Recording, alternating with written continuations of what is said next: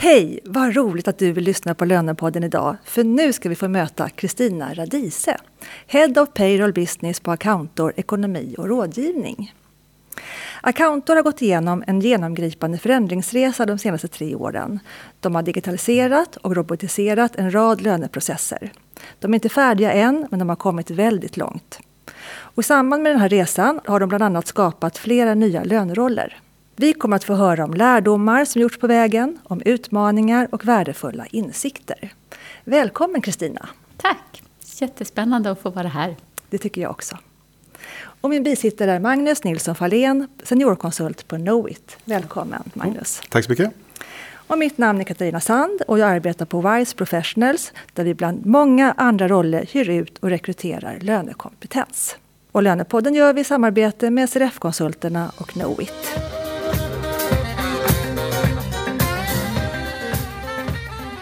Då börjar vi hörni. Kristina, innan vi går in på er spännande förändringsresa på Accountor är jag nyfiken på din egen löneresa. För du har ju varit med ganska länge, sedan 80-talet, mm. på en löneavdelning. Berätta. Det stämmer. Jag började på mitt första lönejobb en, i mitten på 80-talet. Det låter ju såklart som jag är lastgammal och det är jag väl också förmodligen då.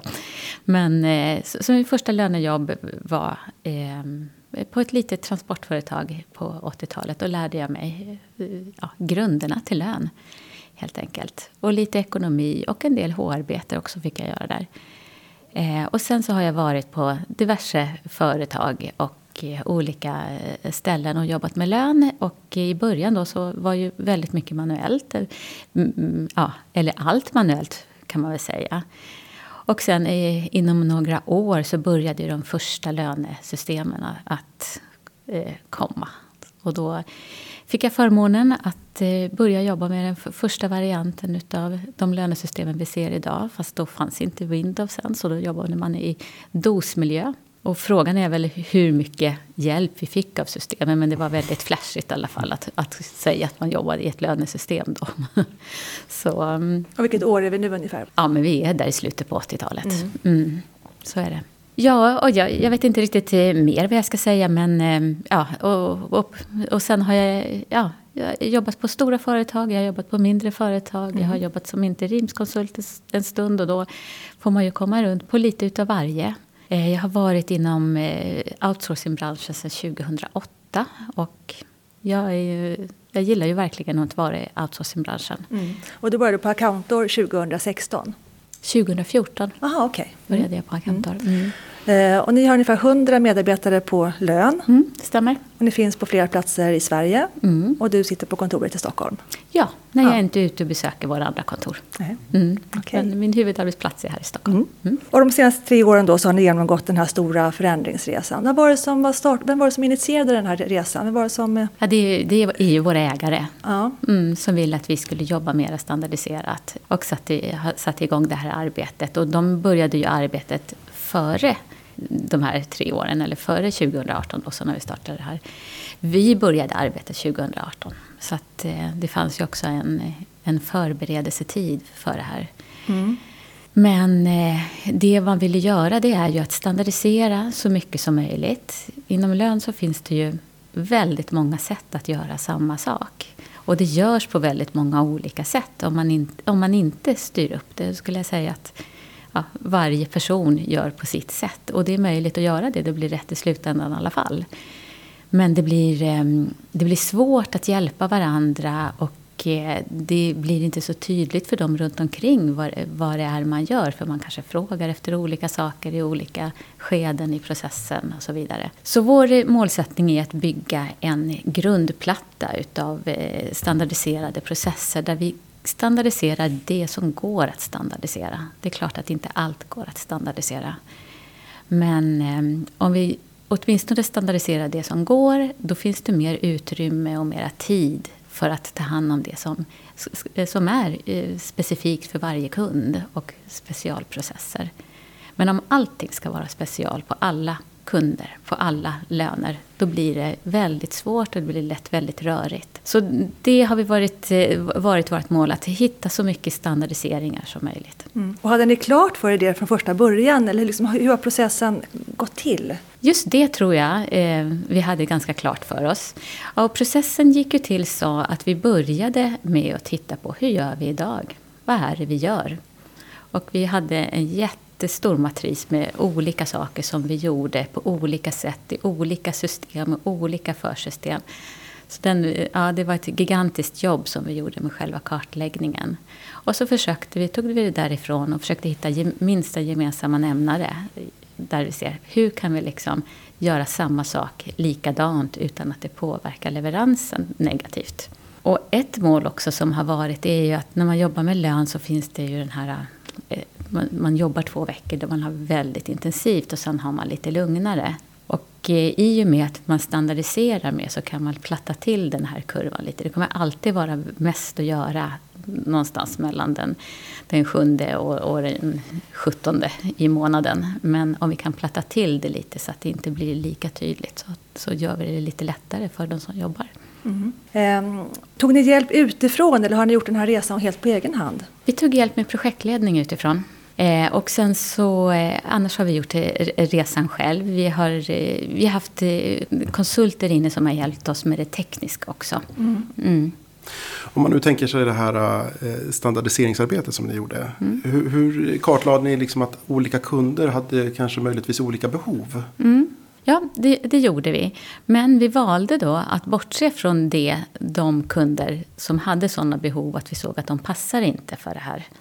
Utan det är ändå så att eh, om man tittar på processerna så de flesta kunderna ser ungefär likadana ut. Man får någon form av indata som ska processas, som ska kontrolleras och resultera i någon form av utrapporter. Så det är liksom på en väldigt hög nivå. Och sen för varje lager man går ner så får man ju anpassa efter vad är, vad är det för kund, vad har de för förutsättningar, vad är det, vad är det för kollektivavtal vi jobbar med, vad är det för eh, infiler vi får, försystem och, och så vidare. Mm. Och då, är, då får man ju gruppera och se hur kan man jobba med det här.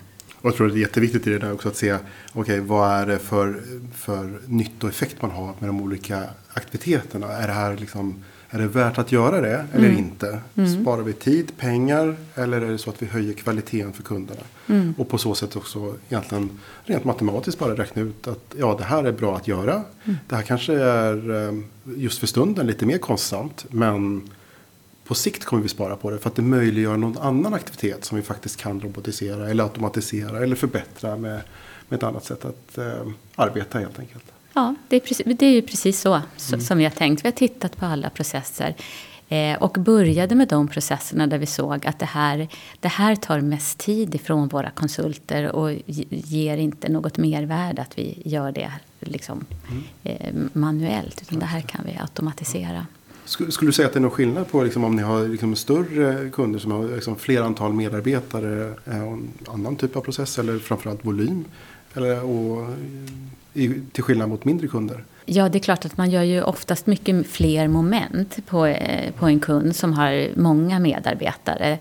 Eh, så det är fler kontroller, det är fler mm. saker man ska göra eh, runt omkring lönen. Eh, är det ett litet företag med en anställd och mm. kanske man bara lönebereder en, en månadslön. Mm. Då är det kanske, kanske inte, inte så mycket. Och, det kanske inte ens är en fil att läsa in utan det bara det, rullar nej, på. Ja. Så att, mm. De största vinsterna, har det varit då eh, tidsbesparing, ökad kvalitet för kunderna, mm. Eh, vad kan du säga någonting mer där som ni har vunnit på den här resan? Ja, eh, tidsbesparing och, och kvalitet eh, mm. för kunderna och för oss själva. Men också eh, att konsulterna har ett, en drägligare arbetstillvaro. Och eftersom vi jobbar likadant så är det så mycket lättare att backa upp för varandra. Vi vet hur vi ska göra. Det finns standardiserade processer, det finns dokumenterade processer. Så när man har varit igång ett tag och har lärt sig det här arbetssättet, då är det också så att när du är ledig och kommer tillbaks från semestern, då ligger det inte en lång lista med saker som bara du kan svara på, utan det har dina kollegor tagit hand om. Har alla varit med på resan? Ni var, var ni hundra från början för tre år sedan? Mm, några har bytts ut på vägen. Ja, mm. Och några har också fått andra roller. Vad är det för roller ni har identifierat under resans gång? Ja, eh, vi, vi, har ju behövt roller som kan vara med i, i de här projekten som vi har, har varit, eh, varit igenom. Eh, och sen så behöver vi ju mer, eh, mer, fler människor som kan jobba tekniskt och hjälpa oss med integrationer och, och på det sättet. Vi har också behövt eh, ett antal superuser som kan hjälpa sina kollegor på olika sätt. Så um, ja, det ser lite annorlunda Kanske ut Kanske en och annan robotskötare? En och annan robotskötare. Och sen så har vi kunnat ha no eh, några som jobbar mer med kundrelationerna för att vi frigör tid så. Och vi tänker att de som jobbar med lönen, att de ska få jobba så mycket i fred som möjligt med lönen och fokusera på det, inte behöva bli avbruten hela tiden med frågor ifrån anställda och kunder. Det mm. finns någon annan som sköter det. Så då kan man antingen göra lönen eller också kan man vara den som fokusera på kunden och kunddialogen. Mm. Jag tänker att det måste vara alltså väldigt många tekniska utmaningar alltså längs den här resans gång. Tre år har ni digitaliserat, robotiserat, automatiserat de flesta löneprocesserna mm. som går att automatisera. Mm. Hur har den liksom, tekniska resan gått? Det har ju varit, vi har delat det i väldigt, väldigt små processer. Och så har vi ju haft små pilotprojekt och så har vi provat. Så har vi skruvat på processen, så har vi gjort om det och gjort ett lite större pilot. Och så har vi, vi har testat oss fram på massa olika sätt. Och de har ju fått skruva på vad robotarna ska göra och hur de ska göra. Så, så att, och det gör vi fortfarande. Mm. Mm. Så vi utvärderar hela tiden. Gör ni samma insatser i andra eh, liksom, länder som ni är aktiva? Eh, ja, det ser ju lite olika ut men den här förändringsresan pågår i, i alla länder. Mm. Den bästa lärdomen då? Vad, vad, skulle du säga till lyssnaren att, om som skulle vilja börja, påbörja en sån här resa? Mm. Eh, vad skulle du säga? Är det någonting så här, ja, men jag kan, där borde jag gjort annorlunda eller något tips du vill ge på vägen? Ja, men det tips jag kan ge det är ju att eh, man kan inte automatisera någonting som inte är standardiserat. Det är helt omöjligt. Och när man tror, och när vi trodde att vi hade standardiserat och dokumenterat klart, då hade vi inte ens börjat än, skulle jag säga. Utan det har varit som att skala en lök. Att när vi tror att det är liksom färdigt, nu har vi dok dokumenterat klart, nu är det, så här ska det se ut. Nej, då finns det alltid en nivå till.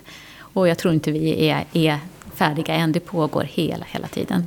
Så jag tror rådet är väl att man inte ska se det här som ett, en resa som går från A till Ö. Utan det, det är en pågående resa. Man startar och sen så är man på den resan. Mm. Jag är nyfiken, du har ändå varit med nu sedan 80-talet. Mm. Så du har ju sett, liksom, varit med i större delen av löneresan. Liksom, bokstavligt talat från lönetant till mm. lönespecialist, lönekonsult. Vad säger du om liksom, takten i utvecklingen nu, eller några, några år tillbaka? Vad, hur, kan du se, säga någonting om den? Har det varit så här takt liksom, hela vägen från 80-talet? Nej. Nej, det har det väl inte varit. Det har väl stått ganska still tills egentligen för några år sedan, kanske fyra, fem år sedan. Då tog det fart? Ja, då tog det fart. Mm. Men jag tycker ju inte att det gått tillräckligt snabbt. Jag tycker att eh, systemleverantörer inom, eh, som eh, ligger bakom lönesystemen skulle kunna automatisera ännu mer än vad de tänker. Men jag tror att man sitter fast också i ett tänk om hur det går till att göra lön. Jag tror man behöver utmana processerna. Varför gör vi det här? Tillför den just det här momentet något värde i kvalitet eller någonting annat. Och det är ju en komplex vardag som, som de har också. Ja. Att kunna liksom tillgodose alla kunder med, med både liksom stöd för kollektivavtal, olika funktioner och, och så vidare. Så att, eh, Absolut. Mm. Och, um, vi, vi, hoppas ju att det kommer ännu fler initiativ som de redan har påbörjat. Att, som, som också bär frukt på så sätt att det blir mm. en, en, robotisering eller en automatisering och en förenkling i systemen. Och, mm. Eh, på det sättet så att säga. Mm. Det finns ju vissa sådana initiativ som, som pågår just nu hos flera av systemleverantörerna. det är fortfarande så att de ska också liksom nå i mål precis som du nämnde här. Att mm. man måste vara tålmodig liksom, mm. och verkligen säga så att ja, men det här tar kanske längre tid att utveckla saker. För att när vi pratar om sådana här hygiensystem som lön ändå är. Mm. Det vill säga att det måste fungera. Vi får mm. inte riskera någonting. Mm. Då finns det också naturligtvis en, en, vad ska man säga, en, en medvetenhet om att riskar vi för mycket så kan det gå snett och då blir det inte heller bra. Så mm. det är ju en otroligt svår balansgång man har där liksom, i, i, i den delen. Eh, att, betala ut, att inte betala ut lön överhuvudtaget eller att betala ut felaktiga löner. Ja men då får man ju en annan diskussion och den är ju inte speciellt trevlig på, på bolagen eller på organisationerna så att säga. Nej, det blir det inget lite, lite svårare. Men det, mm. det är som sagt en utmaning också. Och, det, och där naturligtvis ju mer utvecklingsresurser man kan lägga på de här sakerna desto bättre är det. Det är ju, det är ju toppen och så vidare. Och vissa saker kanske inte heller systemleverantörerna kan utveckla själva utan det ligger hos kunderna att ta ansvar för den delen för det är en del av deras process. Men just var den här skiljelinjen går, det, det är nog svårt att mm. eh, den, den, kanske man ska utmana och se hur, var, var den skiljelinjen går egentligen. Mm. Mm. Kunderna då, har de märkt någon skillnad? Hur har de mottagit det här? Ja, hur har de mottagit det här? Vi har ju gjort andra saker också samtidigt. Vi har ju eh, jobbat mer med ett ärendehanteringssystem så att vi hela tiden har bemanning och kan, kan svara. Så kunderna märker ju på det sättet att det kanske inte är samma person som svarar alltid, men att det är alltid någon som svarar för att det är alltid någon på plats eh, och kan ta ärendet. Och sen när, när de ringer till oss och behöver en dialog, då är det alltid samma samma person. Jag skulle väl säga att de flesta kunderna upplever att de får en jämnare kvalitet på leveransen och att de känner en trygghet i att när min konsult är borta på semester eller sjuk, då finns det någon annan som gör det lika bra. Det är väl dokumenterat vad som ska göras. Så det blir inte att de måste berätta för oss mm. vad det är de behöver, utan det står, det vet vi redan. Jag är nyfiken på, när räknar man hem en sån här satsning? Alltså det måste vara väldigt kostsamt. Mm. Spar pengar på sikt. Mm. Eh, men alltså, kan man säga något sådär, ja efter tre år då har man räknat hem den. Kan man gå det eller? Vi har ju räknat på varje, varje process och det är ju väl, väldigt olika hur, hur, snabbt man räknar hem det. Så skulle man räkna på hela projektet, det vet jag inte, men då pratar vi ju år. Men vissa processer som är lätta att automatisera och standardisera men spara mycket tid. De kan man ju känna igen på ett par månader. Jag håller med. Det, det, det är exakt samma. Vi har också samma erfarenheter också från våra andra kunder. Att det kan vara väldigt stor skillnad på att, att eh, när du har höga volymer mm. på något som är väldigt transaktionsintensivt. Mm. Ja, men då, om du får till en bra process där så då är ju payback är ju otroligt kort mm. tid mm. som du pratar om. Medan jag tänker att andra incitament i det här eller andra tankar som då både liksom enskilda bolag och organisationer kan ha men även andra outsourcingleverantörer. Att gör man inte det här, mm. ja i vilken sits är du då? Mm. Och då kanske du inte ens liksom har kvar din funktion eller din, din, din tjänst eller dina kunder. Eller, ja, det, då är det någon annan som bestämmer vad du ska göra istället för att man bestämmer. Man blir snabbt omsprungen om man ja, inte är med precis, på den här resan. Mm. Men arbetsglädjen då, hur har det varit med den under de här åren? Ja, det har ju gått upp och ner. Det mm. skulle jag säga. och hos alla, det är ju som det är med en förändringsresa. Att först så liksom står man lite fundersam och funderar, är det här någonting för mig eller inte? Vissa är på och andra säger, nej inget för mig, liksom, tack. Eller, mm. Och sen så kommer man, och vi är i olika faser. Vi har, det har varit ett väldigt stort förändringsarbete som vi har eh, jobbat med. Vi har haft stor hjälp från HR och ifrån externa parter. Att eh, att ta sig igenom den här förändringen. Och vi har också kunnat vara öppna med att prata med varandra. Men du, nu verkar det som att du står kvar där på andra toppen, men vi andra, vi, vi är här liksom. Att man kan identifiera när man själv eh, är i en svacka och kan uttala det och prata om det. Och att de, man kan också identifiera när min närmsta kollega är där och säga att nu är ju du här, ska inte du hänga på här? Så det, har, det har varit väldigt upp och ner. Um, så, eh, som det är i en förändringsresa. Man tycker att det är jättebra ena dagen och andra dagen så nej, mm. då jag vill gå tillbaka till det gamla. Men där för tre år sedan, hade ni någon, någon aning om att det skulle ta så här lång tid? Eller var ni naiva då och trodde det skulle gå fortare? Liksom? Nej, alltså, ja, jag vet inte vad jag ska svara på det. Alltså, jag förstod väl att det skulle ta lång tid. Därför att vi är väldigt, väldigt många människor och förändringsarbete, alltså att, att, göra de förändringar vi gör rent tekniskt och rent eh, eh dokumentmässigt och så, det tar, det tar inte lång tid. Det, lång, det längsta tar att få människor att ändra, ändra arbetssätt. Det är, vi har ju faktiskt ändrat det som, vi, som de här personerna gör varje dag. Kan du vara mer konkret där? Mm. Jo, jo men vi har, vi har ju då förändrat arbetssättet. Och då säger vi så här, nej, eh, du ska inte ta, flytta på den här filen från det här stället till det här stället. Det ska en robot göra. Du låter bli det. Och då får du vänta på den här filen i två timmar. Och så får du göra någonting annat under tiden. Det, mm, det har inte alltid uppskattats. Man känner liksom att man vill ha kontroll över processen själv. Man vill ha kontroll över processen själv. Och göra sin ja, egen takt kanske. Ja, precis. Och ja. man kanske vill ha kontroll också över liksom hela processen från ax till limpa. Mm. Så som om man då inte behöver ta, liksom, ja, ta hänsyn till olika saker som kan hända på, på vägen. Mm. Totalt sett så tar det säkert längre tid. Så med den sättet, men det blir på ett annat sätt. Ja, och det finns vissa, vissa saker som, som vissa lönekonsulter gör. Som de säger att det här går snabbare om jag gör det på mitt sätt. Mm. Och där har det ju varit svårt att övertyga om att ja, vi, vi vet det, att det är så att för dig går det här snabbare, men på totalen gör det skillnad, så det ska göras på det här sättet. Mm. Och du, du har mm. också att den personen kan göra någonting annat då istället för som inte roboten kan göra, så man liksom mm. får tänka om där. Mm.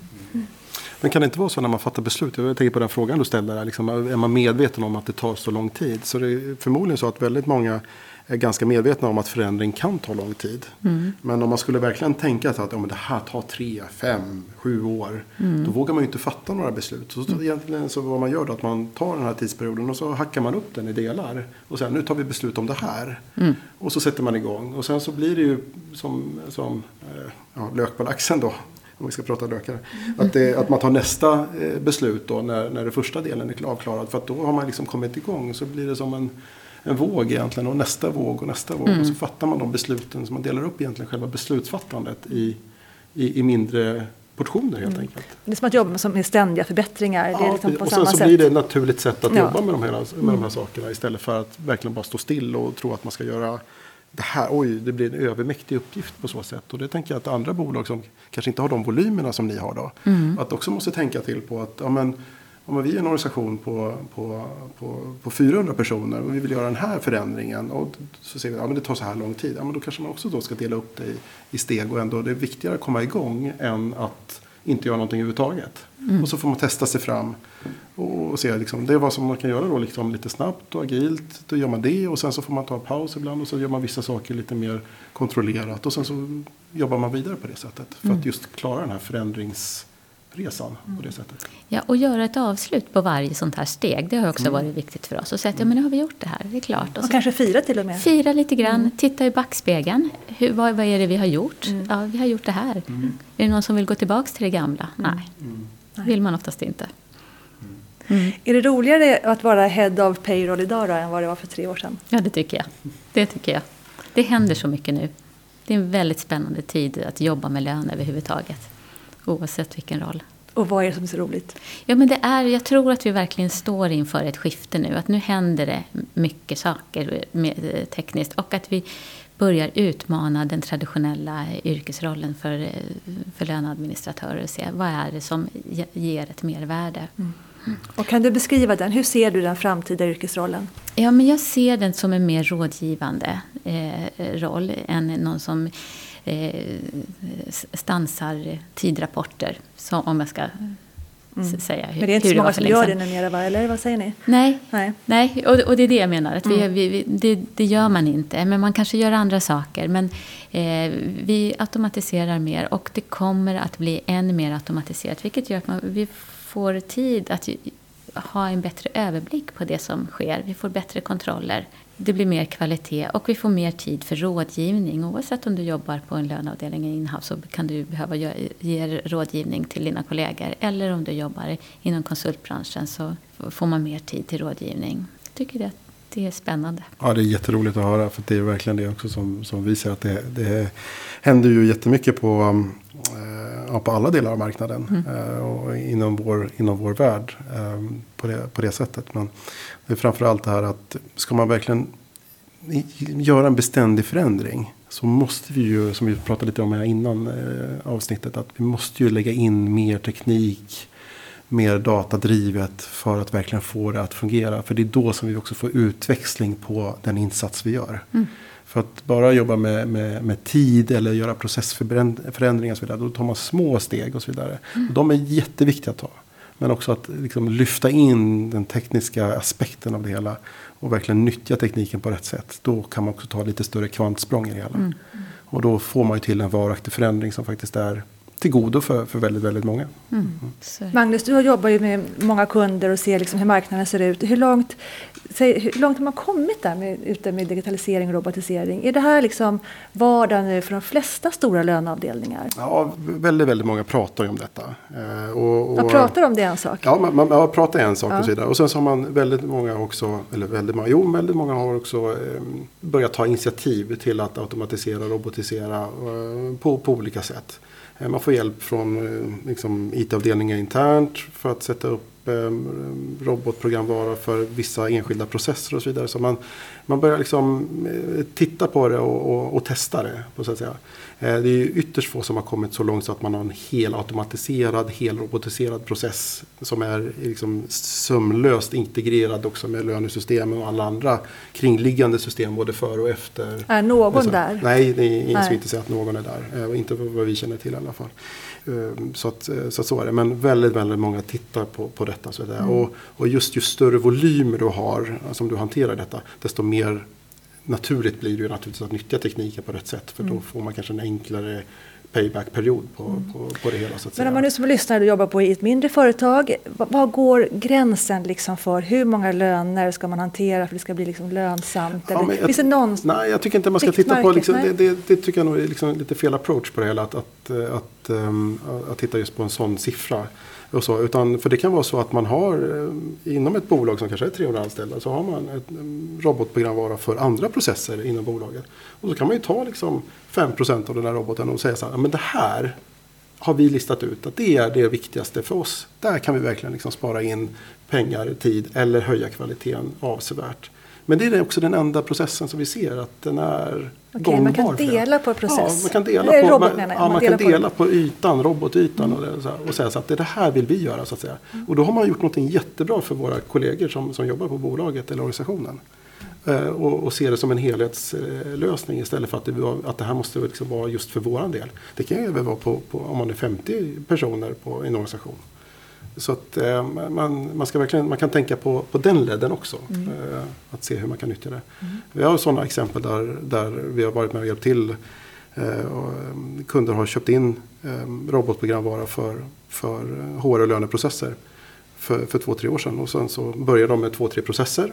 Och så träffar man dem två år senare. Hur har det gått? Jo, men de här tre processerna funkar jättebra. Ja, men alla andra då som ni tänkte på? Nej, men vi har lånat ut vår robot till alla andra funktioner på vårt bolag. Så att den är full nu. Den, är, den, den jobbar 24-7. Men för oss som bolag betraktat så har det varit en framgång. Mm. Och vi på, på lönefunktionen, vi nyttjar den för det som vi tyckte var relevant.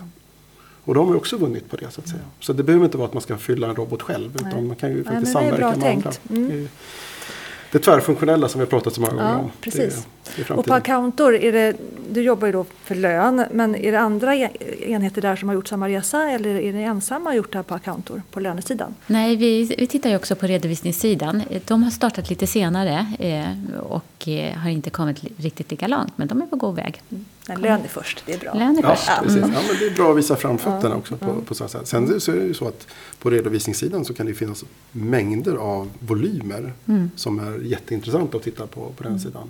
Men det är, eh, det är en annan podd och ett annat mm. avsnitt tror jag. Precis. Mm. Okej, nu behöver avrunda. Någon sista take sådär som vi vill ge till lyssnarna? Eh, runda av med att säga någonting som kan inspirera till att eh, bli lite klokare. Liksom, ja. någon liten jag skulle vilja säga att, att, jag tror att vi har nämnt det tidigare i tidigare eh, poddavsnitt också. Men det här att våga testa. Våga fråga internt och våga liksom, ta initiativet till att göra någonting. För varje liten förbättring i sig kan ju faktiskt leda till någonting mycket större i framtiden. Bra. Och du Kristina? Ja, men jag skulle väl, det är lite samma som Magnus här. Men att, eh, att våga prova det nya. Att våga se att det är bra det som kommer. Det kommer att höja eh, statusen på oss eh, som jobbar med lön. Och det har vi ju jobbat med länge och det ser väldigt mycket bättre ut idag än för några år sedan. Men det här gör att vi kommer ta ett kliv till. Så mm. våga gå in i det nya. Jättebra. Mm. Tack hörni. Tack Kristina för att du gästade oss i podden. Tack Magnus. Vi hörs igen den 25 mars och då är det Magnus och eh, Senny Sjölund som kommer att vara mina gäster får vi väl säga då. Ja, stämmer bra det. Och då ska vi prata om eh, nya tekniska lösningar. Mm. Det ska bli spännande. Spännande. Tack så mycket. Vi hörs igen. Tack, Hej då. Tack, tack.